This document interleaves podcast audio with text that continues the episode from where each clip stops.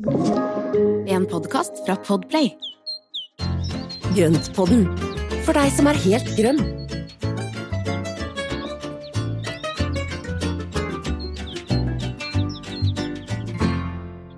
Hallo, alle sammen, og velkommen til enda en episode av Grøntpodden. God dag, Espen. Har du gurgla deg ferdig nå? God dag, Marianne. nå er jeg klar som et egg. Ja. Jeg har vært ute og klippa litt i dammen i dag. Jeg balanserte rundt på isen med flipflops og, og saks. Ja. Ikke helt planlagt, men det var veldig gøy. Ja, det er bra. Det er godt du kom deg liksom helskinna inn igjen. Fikk tatt deg en slurk med vann og sitter nå her klar og skal fortelle om fantastisk fine ting som vi elsker. Vi elsker det like Ja, men- mye som vi elsket forrige episode. Altså, det går bare fra elsk til elsk, det her egentlig. Ja, men hva er det som ikke er å elske i hagen, da? Herre min, det er jo så mye fine blomster. Ja. Ja. Nei, altså så skulle vi jo da, eh, trodde vi, for vi blingsa litt på produksjonsplanen vår, og vi har vel kanskje behov for nye briller begge to, men så Ja. vi tro, trodde vi skulle snakke om noe annet enn det vi skal snakke om i dag. Nei, så vi annonserte jo stort om engletropeter og krukkehage og ikke måte på, men det tar vi og sparer Mm. da til neste gang. Eh, I dag så skal vi jo faktisk snakke om eh, dahliaer. Ja, for dette, det er jo tid for å sette ned de og forkultivere de, så det, jeg tenker, det, er jo, det er jo nå vi skal snakke om det. Mm. Så, men det, jeg var vel litt, litt ivrig på Brugmansian, eller engletrompeten, så det var jo de som hørte på, på da episoden for to uker siden, så var jeg litt i overkant ivrig på engletrompeten. Var det ikke én uke siden? Jo, kan du se, nå går Ja. det helt i Ja, nå går det helt styr. Altså, jeg tror vi skal Disse holde ukene raser av sted. Vi skal se på produksjonsplanen med nye Ja. briller. Ja, vi gjør det. Men i hvert fall i dag så skal vi snakke om georginer, og helt tilfeldigvis så er, kommer det ut eh, en ny utgave av eh, Hageliv uterom i Ja. morgen. For den som, eh, for den som uh, hører på det her torsdagen når episoden kommer ut, så er det altså i morgen så kommer det da slippes neste Hageliv uterom.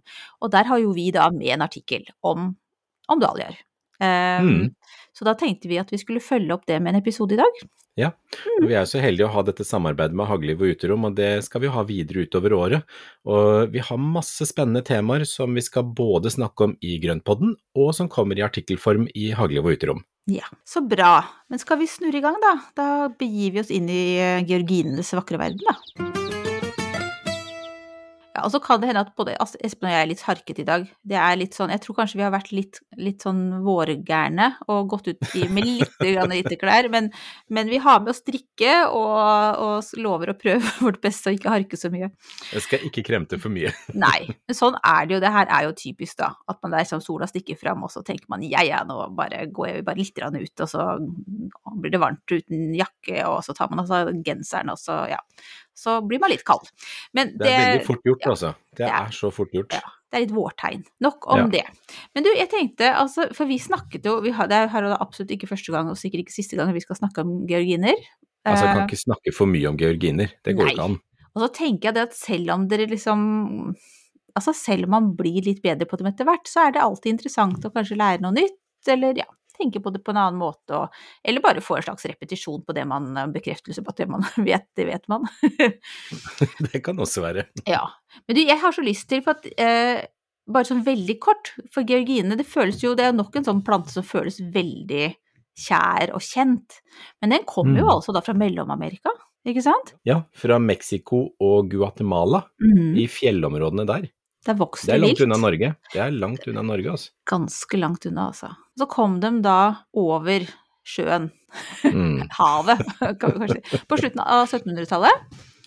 Og så først så trodde man kanskje at det var litt sånn spiselig à la potet, men det smakte jo ikke så veldig godt. Men heldigvis så falt de for de vakre blomstene, og så har man da kultivert det videre, Mm. rett og slett. Og det har vi jo gleden av i dag, der det finnes utrolig mange ulike typer.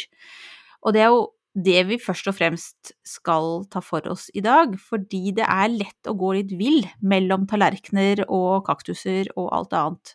Som Og da, pomponger. og pomponger og Det er jo så mye, så vi tenkte vi liksom skulle ja, fortelle litt om de forskjellige uttrykkene, og så kanskje også, tenker jeg da eh, For man vil jo gjerne lage litt buketter av det her. Ja. Så kanskje fortelle litt hva Alltid. buketter, ikke sant, hvordan man på en måte bruker det best mulig i en bukett, men så klart også hvordan man plasserer de ulike Altså har man, har man tallerken foran en popong i bedet, eller kanskje man har den andre veien? Altså litt sånne ting. Vi får se hva vi kommer innom. Men det er i hvert fall det er liksom, Man skal møblere med de ulike typene, tenker jeg. Noen er en sofa, andre er en stol. Ja, det er veldig god sammenligning. Veldig fjernt, men Men vi må jo møblere i hagen, og, er jo, og, det er jo veldig stor forskjell på de også. For det er jo noe av disse små åpne georginene eller pompongene som da er lave og tette, og så har du de der tallerkengeorginene som kan bli halvannen meter høy, altså. Mm. Så det er klart at det må tenkes litt igjennom hvor du plasserer de i forhold til hverandre. Så Eh, bord og stol og sofa, kjempe, kjempegod sammenligning. Du likte den, takk. Ja, jeg gjorde det. Jeg gjorde det. Du setter jo ikke krakken bak sofaen. Nei, det er det. Du merker bakgrunnen min fra interiør- og designjournalistikken, tenker jeg. litt sånn fjern det skinner godt igjennom. Det skinner godt igjennom. Men skal vi bare ta, vi ta en liten sånn mer eller mindre systematisk gjennomgang av eh, ja. Det finnes jo utrolig mange, da. Fordi at Det er altså enormt. Ja. Så det er jo skal vi, skal vi, ta de mest vanlige, eller? Ja, altså blant de derre 20 000 kultiverte variantene, så har vi plukket ut ca. 10 000 som vi har lyst til å gå gjennom nå. så det er bare å vente. Bare sette seg ned, finne en god stol. Neida. Nei da, det, det er jo enormt mange typer og varianter av georginer, eller dahlia. Og de ehm, Altså, det kommer jo nye hele tiden. Det dyrkes jo fram, og det kultiveres nye sorter og varianter med prikker og striper og flekker og tofarva blomster og åpne og, og tettfylte og ikke Altså, det er enormt. Og så har du da disse her gamle, gode som har vært gjennom mange, mange år, som da Mange har jo sikkert sine egne georginer som de har hatt i familien mm. kanskje i ja, opp mot 100 år. Ja. Ikke sant? Så, så, det er jo liksom noen av de gode gamle, og det er jo ofte veldig sterke sorter som man da har testet ut at vet funker i sine forhold. Mm. Så, så, det kan jo være en fordel å ha noen av de i, i sortimentet sitt hjemme. Ja, for sånne for det er noen som, ja, som alltid kommer. De mm. kommer igjen, og kommer igjen år etter år. Jeg har et par sånne som, bl.a. blant annet en som jeg har fått av mormor, som hun hadde i alle år, og jeg har hatt det i Jeg tror jeg har hatt den i 25 år, jeg.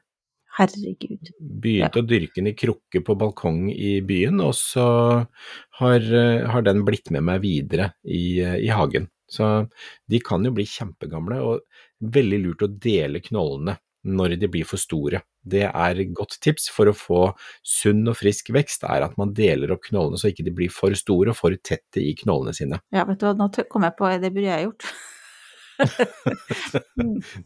ja, men det er, disse, det er, disse, tingene vi egentlig vet som plutselig blir en påminnelse når vi snakker om det, vet du. Ja, ja, og det er, så, det er, så, mange ting som er veldig fint for oss å få repetert også.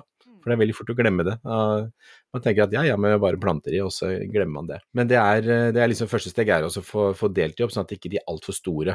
Men vi skulle jo egentlig snakke litt om sortene og ja. variantene. Det var det, så nå er jeg helt ute på ville veier. Så det er fint at jeg Ja, jeg liksom... satt og tenkte på at jeg syns bestemora di, mormora di, var så søt. Altså sånn så koselig, all den derre Føles som at jeg kjenner henne litt, og utrolig mye blomster hun hadde. Planter. Masse, masse, ja, masse. masse, masse. Herlig. Det er et, altså, det er, jeg fikk jo dette her fra henne og mamma og pappa, for det, det har jo alltid vært mye blomster i familien. Så, og jeg var jo så heldig å, å, få ha henne til jeg ble 40 år gammel, og det eh, var mange, mange år hvor vi raida hagesenteret hele sommeren og hit og dit. Ah, nei, vet du hva, kjempegøy. Mm. Å, herlig. Ja, nei, nå fikk mm. jeg deg enda mer ut på viddene, men jeg hadde bare lyst til å, å si det. Jeg syns det høres så koselig ut. det var hun.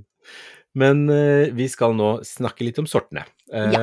Og der har vi jo da, hvis vi skal begynne med disse små, da. Ja, skal vi gjøre det? Begynne med, begynne med de minste. Ja, ja. Så øker vi. Og det er jo da disse pomponggeorginene, eller kanskje mm. enda mindre, disse her små, åpne, enkle. De ser jo egentlig ut sånn formen som en stor prestekrage. Ja. Åpen midt, kronbladet rundt, veldig sånn naiv blomst. Mm. Og kjempefine for pollinatørene våre, for åpne blomster er gode for insektene. Det er noe å tenke på når vi også skal ha mm. georginer. Mm. Så velg noen georginer som er åpne i blomsten, sånn at, til, altså sånn at matfatet er åpent for insektene våre. Det er liksom litt fast food, eller sånn take away ja. her, ja. Mm. ja. Lett, lett, å komme til, og mye pollen og fint å, å spise mm. på.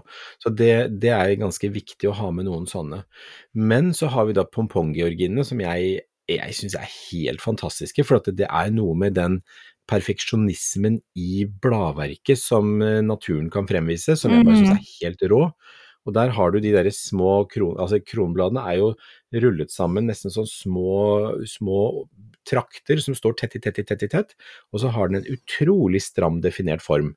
Kulerund. altså, Ja, den ser nesten, menneskeskapt ut. Altså, den ser liksom ut som den har blitt laget på en fabrikk. Eller hvis du forstår hva jeg mener. Altså, det er sånn Men vi kan ikke lage så perfekte ting. Det er altså, helt perfekt. eh, Det er sånn ja. symmetri og, ja, som du sier, en stram form.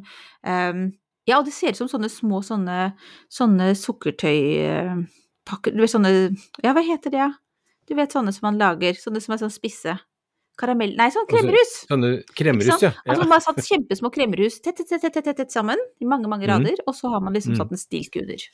Ja, og de er så fine. Og Ja. de er eh, ikke så høye, vanligvis så er de sånn fra 40 til 50-60 cm høye. Eh, ofte så har de lange, gode stilker, så de er kjempefine å bruke i buketter. Mm. Ja. Og det som er også gøy med de, at når du bruker de i bukett, så har de en veldig sånn stram og definert form i forhold til kanskje litt løsere blomster, så de gir en veldig fin kontrast i bukettbruken. Så pomponggeorginer, veldig gøyal eh, variant som er veldig verdt å prøve. Mhm. Og den passer også veldig godt i krukker. Så alle georginene kan også plantes i krukker og kar og pallekarmer og, og, og egentlig overalt.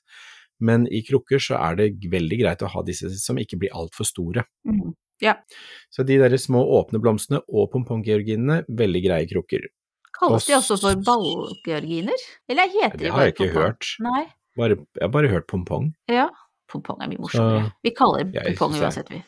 Nei, så har du en annen en som jeg syns er veldig fin, og det er kaktusgeorginene. Mm. Og eh, de er jo ofte litt sånn derre spisse i blomstene, altså kronbladene står ut som pigger. Mhm. Eh, og det er eh, en del forskjellige varianter der, og der finner du også veldig fine typer som den som heter min favoritt, er Alauna Claire Obscur, som er dyp lilla i midten, og så går den gradvis over til å bli hvit i tuppene. Mhm. Altså den er så fotogen, den Ja, er så den er- lekker.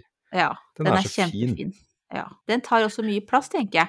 Den, altså sånn visuelt. Den, Mm. den bør kanskje ikke slåss uh, om oppmerksomheten med noe tilsvarende uh, praktfullt, holdt jeg på å si, i et bed. At Ja. den kan få lov til å få litt uh, plass til å synes. Ja, men det bør den. Den er litt sånn, på fint så kalles det ostentativ. Litt sånn der, her kommer jeg, Ja. tittet hei. Altså, den er, den er veldig så, så liksom, Ordentlig liksom flashy liten sak. Så den, men den blir ofte rundt en sånn rundt meteren. Og eh, lange, gode stilker. Kjempefin i vase, den òg. Men den er, som du sier, mer sånn eh, altså den viser seg litt fram sjøl, så den er ikke like fin å bruke i buketter med andre blomster, så den er ofte fin å ha alene i vase. Mm. Ja. I motsetning til pompongen, som er fin å bruke nede i buketter. Så det er ganske sånn tydelig form på de som gjør at de har litt forskjellig funksjon. Ja. Vil du si det gjelder uansett eh, for kaktusgeorginene, eller all- aller mest de som er altså tofarga eller har en sterk, klar farge? Det finnes jo den som heter Henriette, som er litt sånn rosa, beigeaktig. Den er jo ganske mild igjen, ikke sant, men allikevel så Mm. har den jo denne litt taggete formen, som Ja. er ganske distinkt.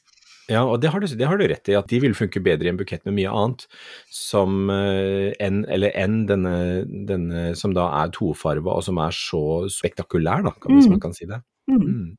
Så de er jo da sånn i størrelsesmessig så kan jo kaktusene være fra en 10 til 15 cm, hvis du da tenker ytterkant av piggene. Mm. Så det er ganske store, Ja. fine blomster. Mm. Så de er kjempefine. Så øh, kaktusgeorginer, Nå sitter begge to og lager sånne eh, rundinger med hendene. Ja. veldig fint. Mm. Det er godt, vi egner oss veldig godt på med lyd. Skal vi se, og så har vi da de enkle runde. Eh, De har vel egentlig ikke noe spesielt navn annet enn eh, liksom runde georginer. Dekorative georginer. Altså sånn gammeldagse georginer, liksom. Ja. Mm. Mm. Og de er jo liksom myke i formene, for at de har liksom avrunda eh, kronblader som gjør at det er liksom fint, og, og de har en rund og fin form. Når de har stått en stund og åpna seg helt, så vil det kunne være en åpen midt med hvor man ser støvbærerne. Mm. For at da, da bretter de seg liksom helt ut. Og det kan man for så vidt se på pompongene også, eh, og kaktusene, at de da kan, når de er, blomstene er nesten avblomstra, så kan man se midten på de, og da, da er det liksom åpent i midten. Mm. Men så har du da de enkle som vi snakket om i stad, og de er jo da Det fins noen som er litt høyere også, som er litt store, og der kan du ha nesten ser ut som stjerner. Altså de store i blomsten, lange, tynne blader som står ut som en, nesten som en sånn edderkopp. Den er kjempefin, og veldig, veldig annerledes. Og da er det nesten som sånne stjerneskudd, altså. De Mhm. står, kommer sånn passelig høyt opp i bedet, og så står de der som sånne helt annerledes typer. Fra å være de der helt superenkle, åpne, til å da være helt tettfylte. Så det er jo en stor variasjon. Men da tenker jeg at du snak, tenker på de som ofte kalles, i hvert fall på engelsk har sett at de kalles liksom orchid dahlias. At de eh, For de er nesten sånn at det er så veldig Det er ikke så mange kronblader, og de Nei. stikker litt ut i hver sin retning, ikke sant? Ja, for de Mhm. er og veldig sånn der, nesten som en stjerne, altså. Ja, Kjempegøy. Kjem, Ja, de er fine. Veldig annerledes. Mm. Så, og så har vi da de som er anemoneblomstrende. Ja. Og de er også fine. Jeg kjøpte for mange, mange år siden en som heter The Phantom, som Ja. er en sånn ferskenrosa variant, sånn dyp, mørk, eh, veldig sånn ubestemmelig farve, men Mhm. altså så fin. Og det som kjennetegner de anemoneblomstene, er at de har et lag med litt større kronblader bak, mm. og så har de masse sånne små, litt sånn derre hva skal man kalle det? Rufsete, derre- litt sånn frynsete småblader, ja. Frynsete småblader i Mm. hele midten. Kjempefint. Det er også en veldig gøyal, Mm. gøyal variant av eh, georginer, altså. Og der kommer også insektene til. Altså de minste insektene kommer til inni der, for at der har jeg sett at det er ganske god trafikk på sommeren. Ja, selv om de Mm. har alle disse bladene. Så, men det er Mm. så fint, da. Jeg vil De jo si kommer at tydeligvis innimellom frynsene. Det syns jeg er gøy, tenker jeg, å lete litt der sånn. Tror du ikke det? er en veldig morsom Jeg syns i hvert fall det er en veldig morsom variant. Den er litt avansert i formen med den der kombinasjonen av de to ulike typene blader. At du Mm. har de der små eh, nesten som en sånn tøyserviett som er knøvla sammen i midten. Altså Ja. mye penere enn det, da. Men litt sånn, sånn ja. Og så har du de rufs, litt, litt rufsete. Ja. Ja. Og så har du de litt lange, fine utenfor. Ja. Mm. Nydelige. Og det som er veldig gøy, er at når du da har de to forskjellige bladformene, eller de to kronbladformene, så får du et veldig, ja, veldig annerledes uttrykk. Og det er jo også enkelte dahliaer som da har eh, veldig sånne skarpe skiller på farven i blomsten. Sånn Mm. at du da har felter i blomsten som har en helt annen farve, eksempel den som heter Rebecca's World, som er en det er jo sånn mellomting mellom kaktus og vanlig, men den har da rød blomster. Noen ganger så blir det bare hvite felter på noen steder i blomsten, og andre ganger så blir den rød i bunn og hvite tupper. Altså den er helt sånn, Mm. helt spesiell. Og der får du forskjellig farge av blomster på samme planta. Å, så gøy. Ja, det er veldig gøy. Så, og sammen med en liten pompong som heter Chickadee, som da også har det derre rødt, men da plutselig så kommer det inn et rosa felt i disse perfekte små foldene. Det Så morsomt. det er veldig mye, mye gøy, altså. Det er en stor verden der ute. Det er ikke rart med 20 000 kultivarer. Så Det må jo være så gøy å holde på med det her, tenker jeg. Å være de som liksom eh, krysser fram disse ulike nye typene og sånne ting. Du vet jo ikke Mm. helt. Du håper vel at kanskje den egenskapen skal komme fram, og den fra den andre. Eller altså, jeg vet ikke hvordan man gjør det, men det høres jo veldig gøy ut. ja, men genetikken er kjempespennende, og det er, Mm. men det er liksom som med, altså med, med alle mulige ja, folk og dyr og alt mulig rart. Man vet jo ikke hva som kommer ut i andre enden. Har du gjort noe sånt noen gang? Nei, jeg har ikke gjort så veldig mye av det, men jeg har en kompis som har vært veldig bevisst på å krysse fram ulike sorter som er eh, altså av pelargoner. Ja. Og han har jo da pelargonsorter som han har kryssa fram, som Mm. nå er rundt i hele verden. Det er fantastisk. Som har spredd seg. Og Ja. det er, eh, det er han har det jo nevnt før, ja, han er jo så, så Ja. kult, da. Ja. Herregud. Så eh, Jan Edgar, som, da, som driver med dette, han har, han har kryssa fram en del sorter som da er spredd seg rundt omkring i hele verden, og, og da bruker han ofte da villarter eller da helt egne egenskaper, så krysser de, og så ser hva som kommer ut av det. Det er, eh, og da får du liksom egenskaper fra begge foreldrene. Mm.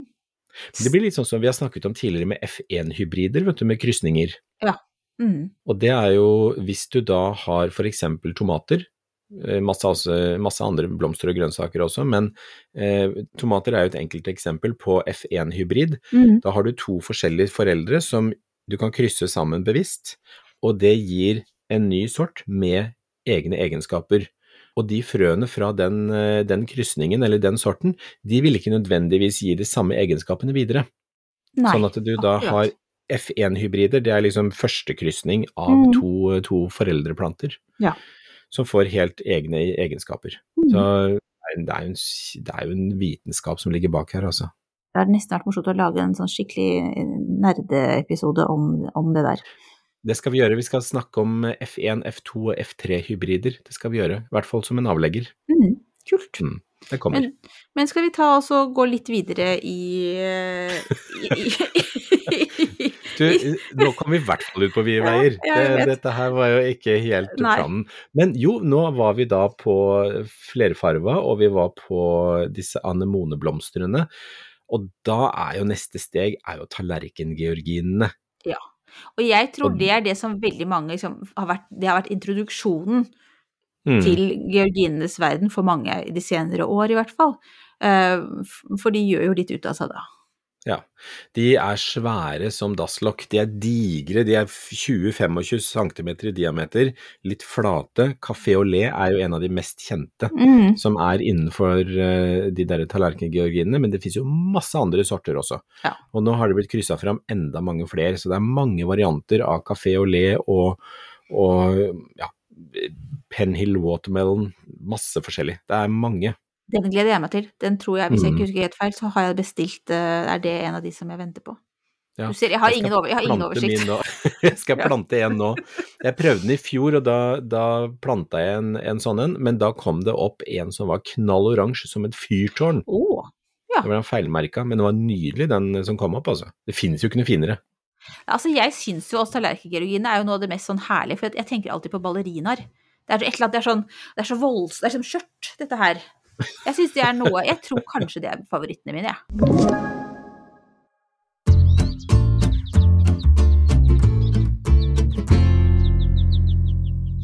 Og jeg altså, i fjor så hadde jo jeg da stor suksess med min Ottos Thrill, eh, tallerkengeorgine.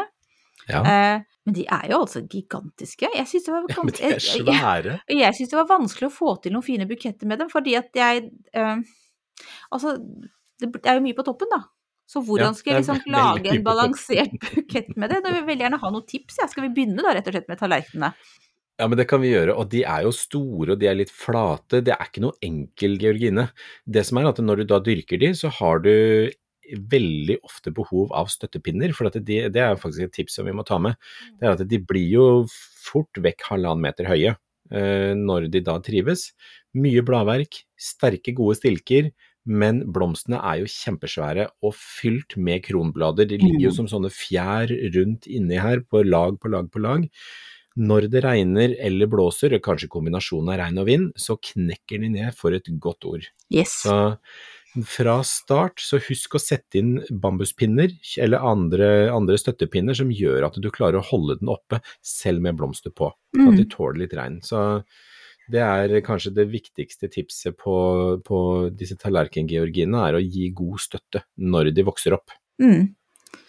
Men det var ikke egentlig det jeg skulle si noe om. Jeg, hvordan å putte i buketter skulle jeg si noe om. Sitter bare og venter, jeg nå. Nå har jeg notert meg støttepinner. Jeg hadde støttepinner i fjor, men jeg, altså, jeg tenker det var, er et veldig godt tips, for det er innmari ergerlig. Og Ja. at du ikke får brukt dem i bukett i det hele tatt, for at de har blåst ned. Ja, nei, men det er Mm. det. Det er en ting med georginer generelt, at hvis ikke du klipper av blomstene underveis, så vil de slutte å blomstre, eller de vil få mye mindre blomstring utover. Så Mm. det er viktig å klippe jevnlig. Så fjern blomster som er visne, og klipp gjerne inn til buketter, for da begynner de å etablere nye knopper med en gang. Mm. Så det er, eh, det er egentlig bare, bare bra. Og skal du på ferie i sommer, så klipp ned alle blomstene som er utsprungne når du drar. For da bruker den hele sommeren, eller ferien din, på å liksom etablere nye blomster. Så det, det er bare et lite tips på det. Mm. Kommer du hjem til buketter, vet du. Eller Ja. mulige buketter. Ja. Ja.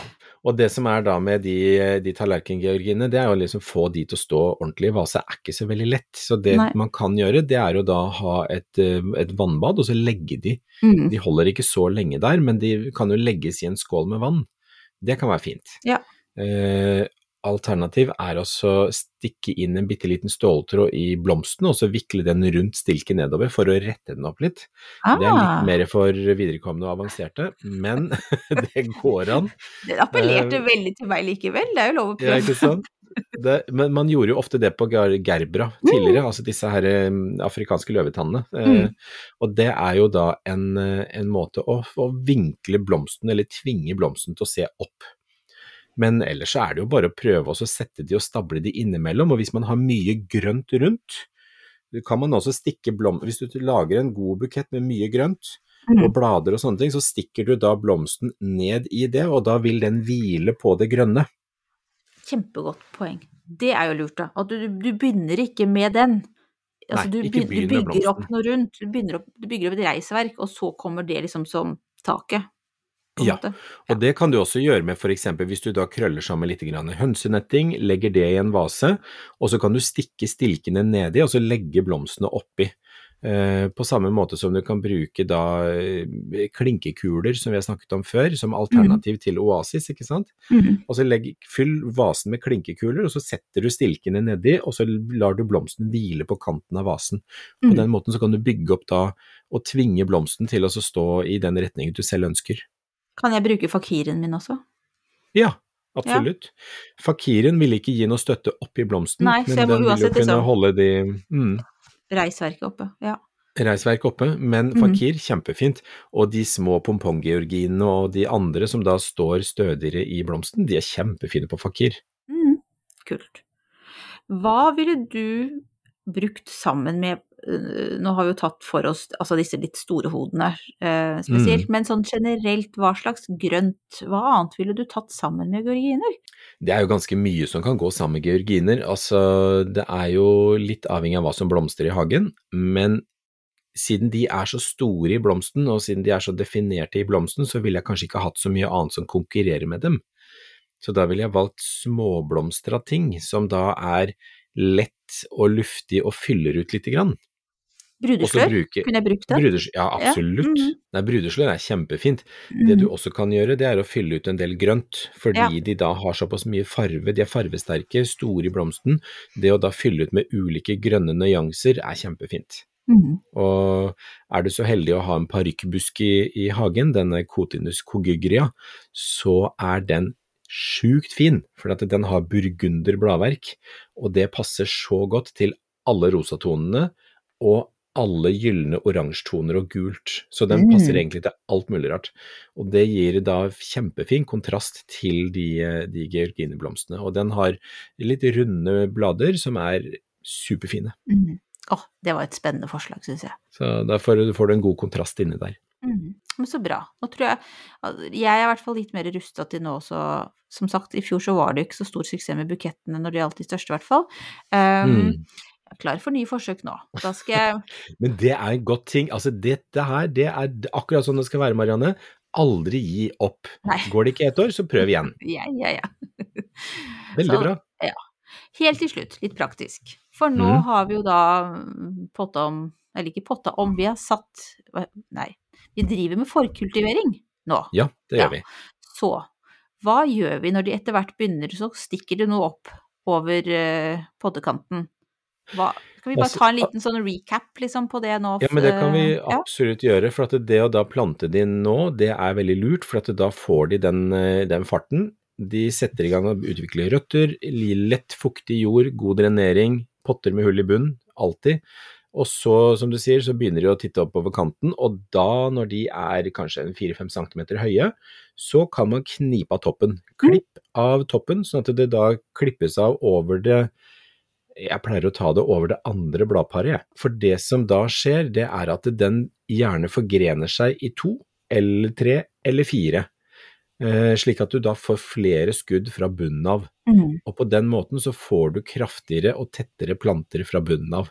Så det, det er første steg. Mm. Og så er det om å gjøre å ikke ha de for varmt, fordi at balansen mellom lys og temperatur er alltid kjempeviktig.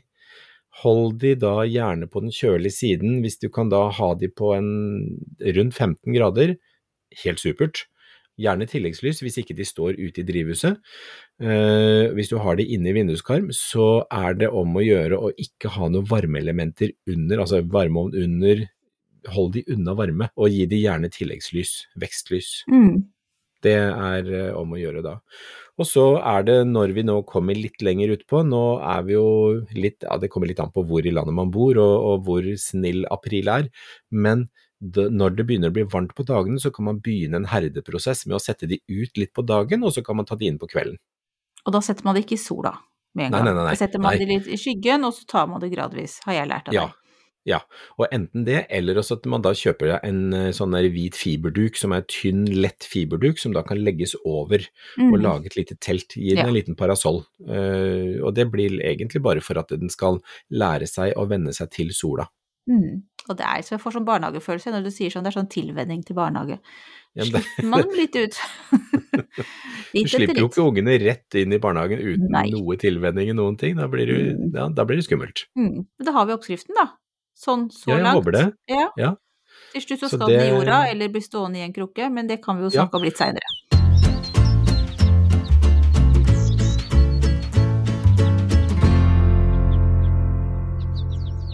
Ja, Espen. Du, ukas plante. Ja.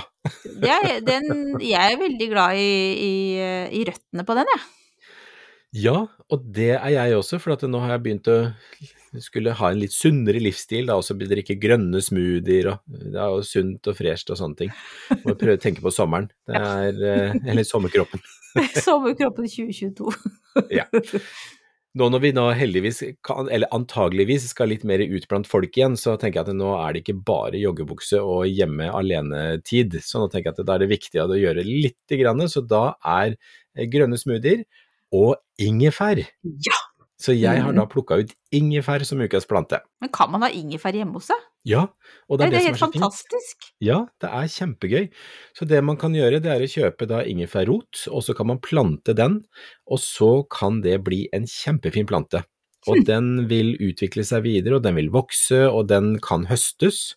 Så hvis du da dyrker ingefær i potte, så vil den kunne høstes senere, og så kan du da få en hjemmelaga ingefær, eller hjemmedyrka ingefær. Og ingefær er jo en kjempestor familie med masse forskjellige grener og varianter, og noen blomster under pryd ingefær, og det er andre ting. Eh, Det fins Ingefærfamilien er enorm. Mm. Så det er masse, masse å velge på, men den ingefæren som vi spiser, den er eh, ikke så voldsom i bladverket. Den får ganske tynne og liksom små, spinkle blader, egentlig, men den blir liksom gressaktig. Så den ser, Oh. eller kan minne, ut, minne litt grann om eh, en eh, litt sånn storblada bambus. Men jeg kan ikke gå i butikken, kjøpe meg en ingefærbit og så putte i jorda. Jeg vil anbefale å kjøpe en som da er ment for det, fordi vi skal jo egentlig ikke gå og kjøpe ting i butikken som vi planter, Mm. fordi det kan være med smitte, sykdom osv. Så, videre.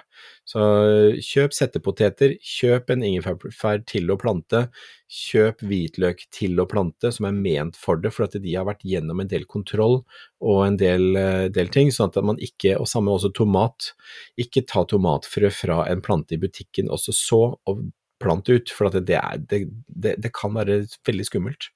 Så det finnes å få kjøpt f- setteingefær, eller ingefær til planting, og de liker da en lun vokseplass, så en lun plass på balkongen eller en krok i, i hagen som er ordentlig god og varm, eller i drivhus. Mm. Stor, god krukke, jevnt med vanning, jevnt med gjødsel, og så vil du da kunne høste ingefær på sensommeren. Herlig. Så det gøy? Jo, det var veldig gøy. Og I tillegg så er den veldig dekorativ når den vokser, for den blir tett og fin og grønn og høye, fine sånne gressaktige blader og stilker. Så veldig morsom plante. Veldig morsom idé. Ja, det var et kult tips. Jeg kjenner jeg har litt mer spørsmål, men det skal jeg ikke ta, for at det, det, det, da, kommer til å bruke, da blir det enda en episode på en måte i episoden. Så, men, det, men altså, det var en veldig morsom idé. Ja, tusen takk. Det er så Um, bra. Og så skal vi videre til ukens spørsmål, som også er litt sånn eksotisk, altså i hvert fall for mange av oss som ikke har dette treet hjemme. Hvordan stelle ferskentre, er det noen som lurer på det? Altså, det er jo Du har jo drevet og skrytt så innmari av ferskentreet ditt, så det er vel mange som er frista nå, da? Ja, det er nok det. Så jeg fikk faktisk eh, en, et spørsmål nå for noen dager siden om, eh, om eh, Det var en som hadde kjøpt seg ferskentre og hadde lyst til å plante, og, mm. eller skulle kjøpe ferskentre og hadde lyst til å plante, men hvordan steller man det? Og det er, jo, det er jo et veldig godt spørsmål, for det er veldig mange som ikke vet at det går an å dyrke fersken i Norge.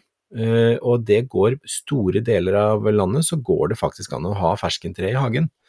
Og jeg har et vennepar på Hamar som har fersken i hagen. Det ble masse fersken i fjor. Gud a meg. er Elsker fersken. Å, det er Ja, så godt. og det er jo klimasone, det er jo klimasone fem. Eh, og jeg var også i en hage og besøkte den for, eh, det var i fjor sommer også, og der hadde de et ferskentre som sto fritt ute på plen, stort så du kunne sitte under det, og det var en sort som het benedikte. Og jeg har også den benedikte-sorten, og de gir store, gode, søte frukter som er altså kjempegode. Og det er ganske robust, eh, robust eh, ferskensort. Gud, så gøy.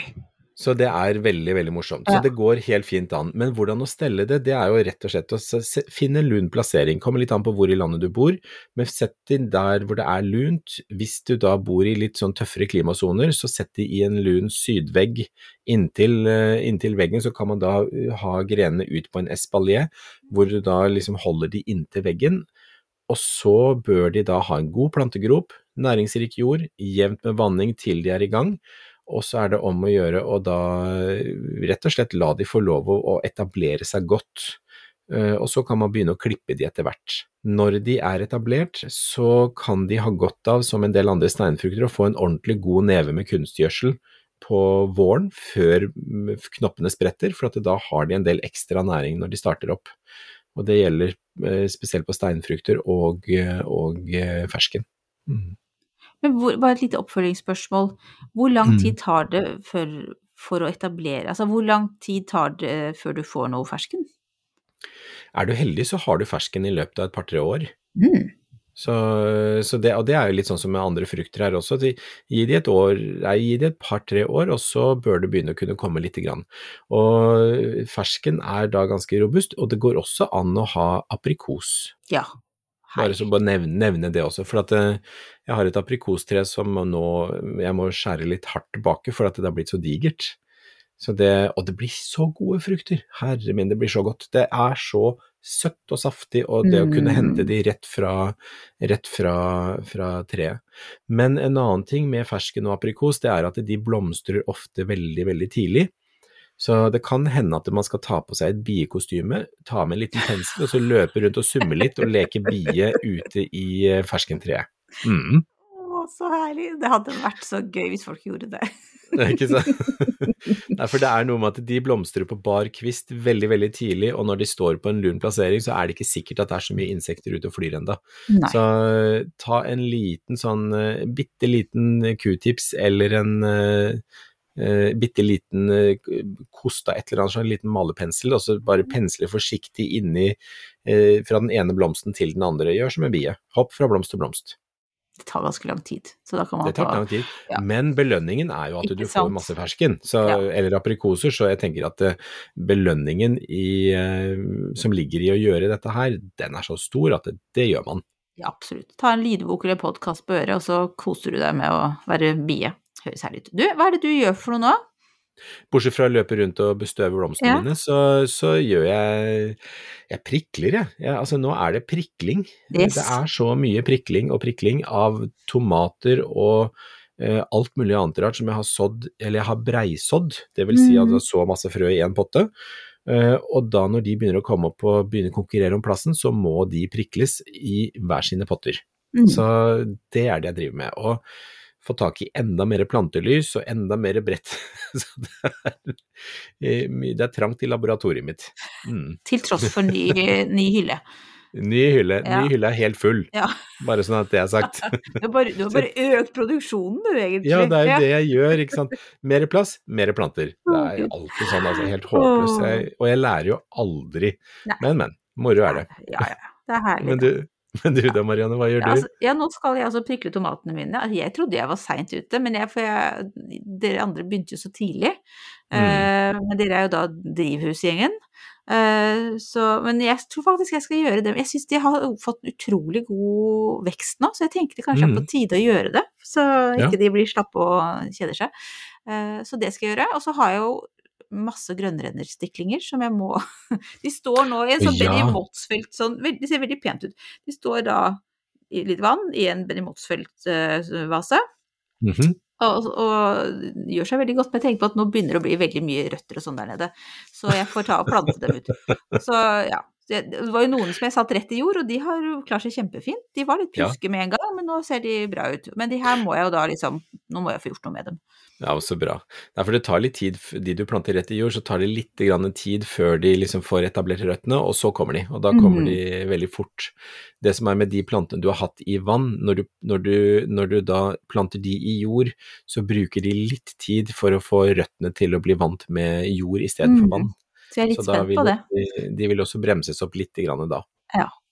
Så tror, Men du kan også ha hydroponi, sånn semihydroponisk dyrking. Ja, det er det det jeg føler at jeg holdt litt på med nå, litt sånn ufrivillig semihydroponisk. Ja, Ja. nei, ja. ja vet jeg, jeg vil jo ha det nedi jorda, da. Jeg er tradisjonell, vet du, Espen. Men jeg bare tenker på at jeg tror kanskje jeg må gjøre litt sånn der eh, survival of the fittest, for jeg kan jo ikke Altså, det er 30 mulige planter der, jeg kan ikke ha så mange. Jeg, jeg har ikke noen hylle fra jula. Jeg kan, Ja, kan men jeg ikke ser du har masse plass i vinduene bak deg, så bare fylle opp Ermin. Dette her er, det er Der ganske står glissent. tomatene, vet du. Der står Ja. tomatene. Ser du det? Og så er det. det, og så er det en vannflaske, og så er det en annen greie der. Så det Ja, er og ja. vinduet på sida der er det nesten ingenting. Det er jo masse plass. ingenting. Det er bare Ja. bilder av familien, de kan jeg jo Ja, ja. flytte De, bort. de trenger ikke stå i vindu. Nei. Der skal det stå planter. Som vanlig så er vi ferdige til slutt. det tar bare litt tid, men vi har mye å si. Så det tar, det tar, det tar tid. Mm. Og denne gangen her så får vi jo bare avslutte med å si at eh, altså løp og kjøp Hageliv uterom. Ja, det må vi gjøre. Ja. Og det er så mye gøy der. Det er så mye spennende. Og mye fine saker har jeg sett, så det er, eh, jeg gleder meg til hver gang det kommer og koser meg med det. Mm, absolutt. Og hva vi skal snakke om neste gang, det, det vet jo alle som hørte på forrige episode. Det er jo ikke noe episode. overraskelse lenger, for at den overraskelsen den eh, gikk jo ut i forrige episode, så det er jo Krukkehagen og Brugmansia, altså engletrompeten. Og jeg tror nok at vi da kommer til å Igjen så må jeg si at det må nok bli en ganske stor overvekt av engletrompet. Men Altså, eh, jeg det er en diskusjon vi skal ha. Ja, vi, vi er Mm. ikke helt enige med oss selv. Jeg, jeg tror vi Altså, jeg tror det fort blir en ren Brugmansia-episode. Og det er ikke på grunn av meg. Nei, ikke sant. Nei da. Nei, vi skal snakke om begge deler. Vi skal snakke om krukker og vi skal snakke om brugmansia, men vi skal også ta med litt andre gøye planter og ha litt sånn, litt sånn eksotiske gøye planter og hva vi kan ha i krukker, tenker jeg. Det Mm. er jo veldig mange av oss har jo en terrasse.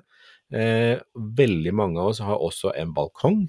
Mm. Eh, og hvis man bare har balkong, det er jo fint mulig å lage en herlig hage i krukker.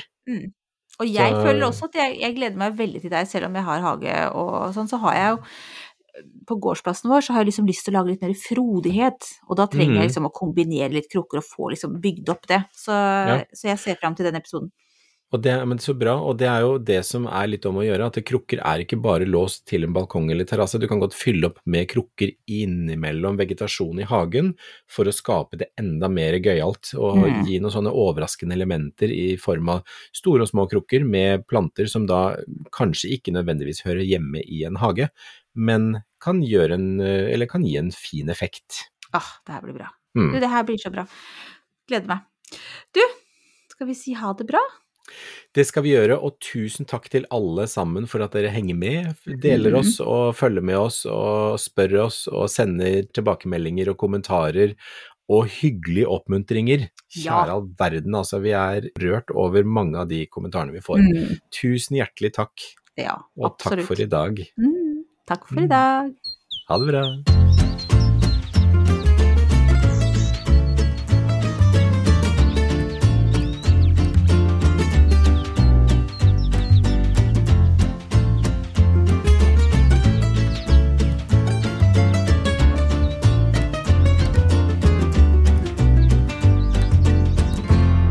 Du har hørt en podkast fra Podplay. En enklere måte å høre podkast på. Last ned appen Podplay, eller se podplay.no.